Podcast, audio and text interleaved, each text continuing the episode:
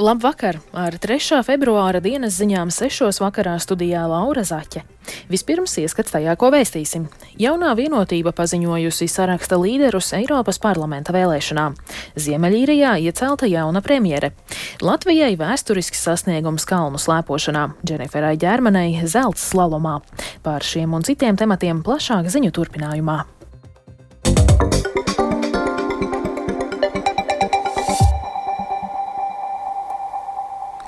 Partiju apvienības jaunā vienotības saraksta līderi Eiropas parlamenta vēlēšanās būs Eiropas komisijas priekšsēdētājs izpildvietnieks Valdis Dombrovskis un pašreizējais ārlietu ministrs Krišjānis Kariņš. 18 kandidātu lokā ir vairāki ar pieredzi Eiropas parlamentā. Partijas kandidātu sarakstu apstiprināja un izziņoja šorīt. Par to vairāk Jāņa Kīņša sagatavotajā ierakstā.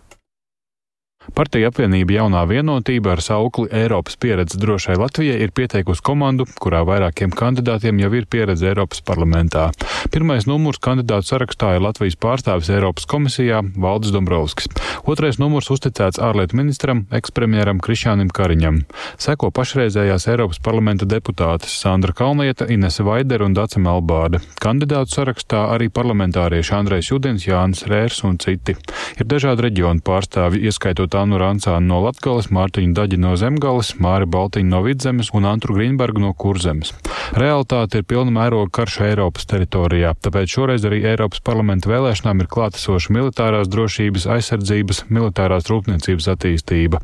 Te jau visās uzrunās jaunās vienotības sanāksmē ieskanējās drošības aspekti. Turpina premjera Evika Siliņa un partijas vienotību vadītājs Arvils Ašrādens. Mēs nepieļausim to, ka tiek aizmirsti Krievijas radītie draudi. Arī mūsu komanda Eiropas parlamentā iestāsies par turpmāku atbalstu Ukrainai, militārās industrijas attīstību gan Latvijā, gan citās valstīs, un Eiropas Savienības vienotu nostāju un skaidru, stingru pozīciju drošības jautājumos. Un katra atsevišķa Eiropas parlamenta deputāta darbs būs ļoti izšķirīgs, lai šajā situācijā, lai šajā situācijā mēs panāktu labāko iespējamo rezultātu. Uz Baltiešiem šobrīd ļoti uzmanīgi skatās, Baltiešos ļoti ieklausās. Un daudz redz to, ka Baltieši zina, kā šobrīd ir jārīkojas. Tas uzliek mums īpašu atbildību. Militārā drošība un mērķtiecīgi izmantots Eiropas Savienības finansējums Latvijā būs arī valda Dombrovska prioritātes. Viņš ieskicēja vēl vairākus Eiropas institūciju izaicinājumus. Eiropas ekonomika turpina augt, tomēr ekonomikas jomā gan eh, Latvija, gan Eiropas Savienība kopumā saskarās ar nopietniem struktūrāliem izaicinājumiem. Relatīvi zems produktivitātes pieaugums, sabiedrības novecošanās, nepieciešamība stiprināt enerģētisko neatkarību. Vienlaikus ES turpina īstenot e, ekonomikas zaļo un digitālo transformāciju, virzību uz klimata neutralitāti 2050. gadā. Attiecīgi, tuvākajos gados liela vērība būs jāpievērš Eiropas ekonomikas konkurētspējas saglabāšanai un nostiprināšanai. Lai šos jautājumus sekmīgi risinātu, būs nepieciešams gan apjomīgs finansējums, gan struktūrālās reformas. Jāatgādina, ka partija apvienības iekšēnē vairākas nedēļas turpinājās diskusijas, vai jaunās vienotības Eiropas parlamenta vēlēšanu sarakstā pirmais numurs būs Dombrovskim vai Kariņam. Viens no faktoriem, kas to ietekmēja, ažiotāžu raisījušās ziņas par privāto lidojumu izmantošanu un to augstajām izmaksām laikā, kad Kariņš bija valdības vadītājs. Uz jautājumu, vai tam bijusi nozīme un vai šis temats varētu ietekmēt arī vēlētāju izvēli, Kārlis Kariņš atbildēja šādi. Es savā darbā esmu vienmēr koncentrējies, ko es varu darīt, lai aizstāvētu mūsu valsts intereses. Es to darīju agrāk kā saimnes deputāts, es to darīju agrāk kā ekonomikas ministrs, desmit gadus kā Eiropas parlamenta deputāts, gandrīz piecus gadus kā valdības vadītājs, šobrīd kā ārlietu ministrs. Es visur esmu tikai darījis visu, kas ir manos spēkos, kas ir mūsu valsts interesēs. Latvijai Eiropas parlamentā būs deviņas no kopumā 720 deputātu vietām. Eiropas parlamenta vēlēšanu kandidātu sarakstu iesniegšana Centrālajā vēlēšana komisijā noslēgsies jaunadēļ. Vēlēšanas notiks 8. jūnijā. Jānis Kincis, Latvijas radio. Nacionālie bruņotie spēki ir sagatavojuši un iesnieguši aizsardzības ministrijām austrumu robežas militārās stiprināšanas un pretmobilitātes plānu. Ministrija to tuvākajā laikā virzīšot apstiprināšanai valdībā, bet līdz tam plāna saturu nekomentē. Dokumentā ir paredzēti veidi, kā nodrošināt Latvijas valsts aizsardzību un pretinieka aizkavēšanu ar dažādiem līdzekļiem. Rīcības koordinēšanai visu trīs Baltijas valstu aizsardzības ministri parakstījuši vienošanos par Baltijas aizsardzības līnijas izveidu izveidi. Tās būvniecība Latvijā varētu ilgt tuvāko desmitgadi.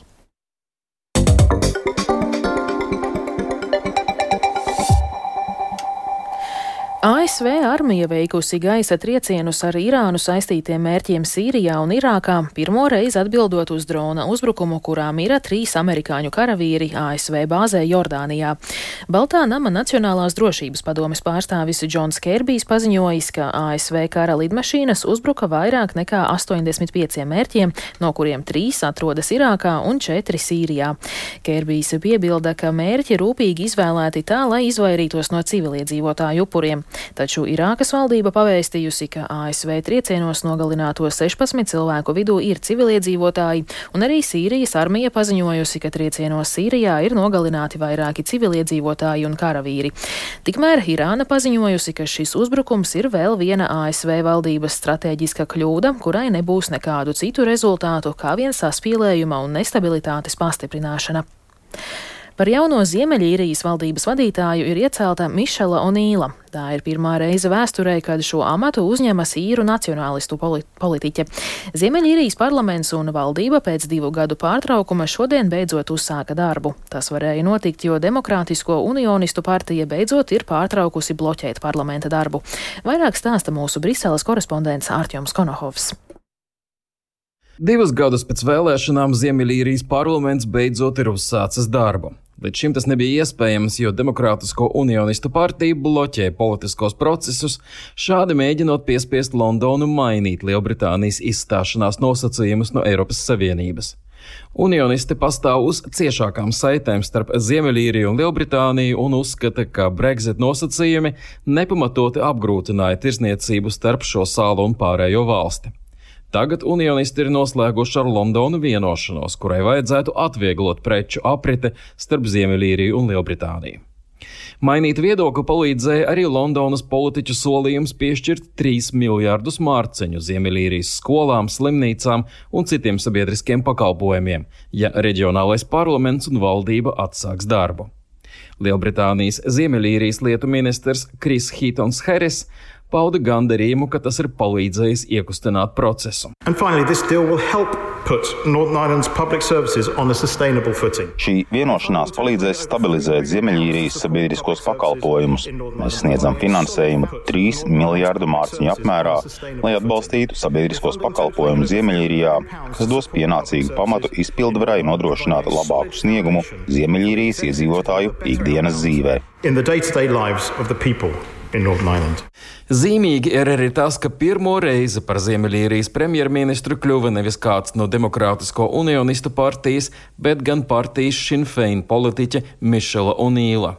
Tas tādēļ, ka viņas politiskais spēks ieguva lielāko balsu skaitu. Par viņas vietnieci ir iecelta unionistu politiķe Emma Litle Pengelija. Lai gan Ziemeļīrijas valdības vadītājs un viņa vietnieks kopīgi dala visus pienākumus, Apvienotās īrijas idejas aizstāvi no partijas Šinfein saredz šajā brīdī vēsturisku nozīmi. To akcentēja arī šīs partijas priekšsēdētāja Mērija Lūma Donalda. Uh, Jaunajā īrijā būs arī Lielbritānijas pilsoņi vai padotie, atkarībā no tā, kā viņiem labāk patīk sevi dēvēt. Tam ir jābūt par daļu no lielām sabiedrības pārmaiņām. Tādēļ tas ir ļoti aizraujoši. Es jūtos ļoti optimistiska par mūsu kopīgo nākotni. Es neesmu naiva. Mēs neesam naivi. Mēs zinām, ka mums priekšā stāv izaicinājumi un ka būs spēki, kuri pretosies šīm pārmaiņām. Bet mēs vēlamies vēlamies redzēt īrijā pārmaiņas un jaunu īriju visiem. Turklāt vēsturisko notikumu attīstība un pašreizējie vēlēšana rezultāti parāda, ka tas, par ko mēs runājam, ir iespējams. Es pat teiktu, ka no vēstures skatu punkta tas ir sasniedzamā attālumā. Manuprāt, tas ir ļoti aizraujoši. Jāpiebilst, ka spiedienu uz politiķiem Belfastā izdarīja arī dažādu nozaru pārstāvi, kuri Ziemeļīrijā rīkoja streikus. Bez pienācīgas valdības un parlamenta nebija iespējams pieņemt budžetu, kas padziļināja problēmas dažādās nozarēs. Arcījums Konahās Latvijas Rādio Briselē. Uz nenoteiktu laiku ir atlikta viena no tiesvedībām pret bijušo ASV prezidentu Donaldu Trumpu. Tiesnese nolēmusi, ka pirms ķerties pie lietas izskatīšanas būtu jāsagaida spriedums strīdā par to, vai prezidents ir imūns pret tiesvedību pat pēc pilnvaru termiņa beigām. Trumps un viņa advokāti apgalvo, ka prezidents nevar nest kriminālu atbildību par savu pilnvaru laikā pieņemtajiem lēmumiem. Turpina Ārķums Konohovs. Pret bijušo ASV prezidentu Donaldu Trumpu pašlaik ir celtas prasības vairākās lietās. Šī tiesvedība ir viena no nopietnākajām, jo tajā federālais prokurors apsūdz Trumpu mēģinājumos nelikumīgi ietekmēt iepriekšējo prezidenta vēlēšanu iznākumu. Trumpa advokāti ilgstoši mēģina novilcināt lietas izskatīšanu. Visticamāk, bijušais prezidents cer, ka gadījumā, ja viņš uzvar novembrī paredzētajās vēlēšanās, tad viņš var likt prokuratūrai atsaukt visas apsūdzības pret sevi.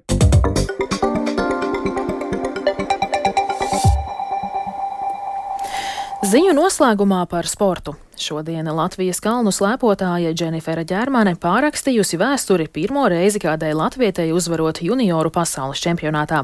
Pie medaļām šodien tikuši arī pašmāju kamaniņu braucēji. Vairāk par sportu pastāstīs Lotārs Zariņš, kurš pievienojies tiešraidē. Sveiks, Lotār! Stāsti, kādā sporta notikumā tu šobrīd atrodies? Jā, sveika, Laura, un sveiki klausītāji. Jā, nesen ierados Daugavas stadiona manēžā, pirmās vieglatlētikas sacensības jaunaklātajā sporta centrā, pirmie starti jau šeit sākās pulksten 12. dienā, un, un tādi pirmie secinājumi ir tādi, nu, kapitālpā smaržoja pēc marcipāna, bet tā, nu, viss vizuāli gan simpātiski pēc tāda jaunaklīguma te smaržo, un katrā ziņā vēl var uzspēt uz sacensībām, un tās šeit norisināsies līdz astoņiem vakarā. Laura? Un kas vēl šodien ir aktuāls sportā? Nu, visu laiku labāko sasniegumu Latvijas kaunas slapošanas vēsturē šodien sasniedz Dženifera Ģērmana, izcīnot zelta medaļas pasaules junioru čempionātā. Ģērmana pirmajā braucienā bija pirmā abos sektoros un arī finišā. Nākamajā braucienā Latvija pirmo sektoru noslēdz 11. vietā, bet otrajā bija ātrākā summā, finišējot pirmajā vietā. Otro vietu izcīnīja šveiciete Anuka Brendlī, bet trešā palika zviedriete Kornelija Elunda. Iepriekšējais tik augsta līmeņa panākums kaunas slapošanā junioru čempionātā bija Dženiferis mammai Ulai, kura 1000 1988. gadā ieguva bronzu. 20 gadus vecā ģērbana šo zonā aizvadījuši četras pasaules kausa sacensības slalomā, ar katriem mačiem uzlabojot neatkarīgās Latvijas kaunslepošanas rekordus. Kamaniņu braucējs Kristers Aparjot šodien izcīnīja trešo vietu pasaules kausa piektajā posmā, uzvarēja vācietis Maks Langenhans bet otrais palika austrietis Dāvids Glaišers. Savukārt cits latvietis Gins Bērziņš otrajā braucienā zaudēja cīņā par medaļām un ierindojās kopumā 23. pozīcijā. Tikmēr dāmas braucēju divnieks Andupīta Kītī Bogdānova šodien Altenbergā izcīnīja otro vietu. Tāpat Latvijas junioru kamaniņu braucēji šodien pirmoreiz vēsturē izcīnīja Eiropas čempionāta zeltu komandu stafetē. Latviju distancē pārstāvēja Zana, Zana Kaluma, Kaspars Rings, Raimons Baltgalvis un Vitālijas Iegorovs. Turklāt bronzas medaļu individuālajās sacensībās pievienoja arī Zana Kaluma. Pasaules kausa posmā bobslējā divniekos mājas sienas tomēr nepalīdzēja vadošajai ekipāžai.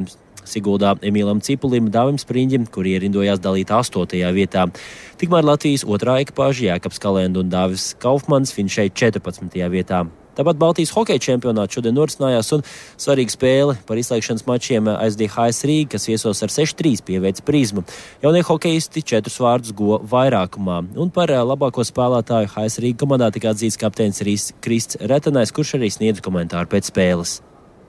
Spēles sākums bija tāds uh, viļņains, arī iesākām netik labi. Protams, uzreiz ielaidām vārtus, pēc tam atspēlējāmies, pēc tam atkal tālāk tāds viļņains, bet pēc tam tur parādījām, ka esam spējīgi. Trešajā periodā kārtīgi nospēlējām, kārtīgi realizējām momentus. Vairākums arī nostrādājām, par to esam ļoti priecīgi. Priecīgs, ļoti labs bija jaunā gada sākums, un pēc tam tāds varbūt nedaudz pieklibojām, bet man ir prieks, ka mēs esam apakaļ uz uzvaras takas. Ļoti svarīgs divus punktus izcīnījām pret prizmu un turpinām doties pretī plēfam. Jā, tas bija Hokejas skolu Rīga kapteinis Krists Retenais, un tas arī šajā sporta ziņās būs viss. Paldies! Tas bija Lotārs Zariņš ar ieskatu svarīgākajos sporta notikumos. Ar to arī izskan 3. februāra dienas ziņas. Producents Edgars Kupčs ierakstus montēja Uldis Grīnbergs, pieskaņu pults Īveta Zveidniece, bet studijā Laura Zaķe. Vēl tikai par laikapstākļiem. Yeah. Rīgā šobrīd plus 6 grādi un pūša ziemeļrietumu vējš 7 m2. Rītdien būs mainīgs mākoņu daudzums, valsts centrālajos un austrumu rajonos pa laikam gaidāmi nokrišņi. Pūtīs brāzmains rietumu puses vējš un gaisa temperatūra būs no plus 1 līdz plus 5 grādiem.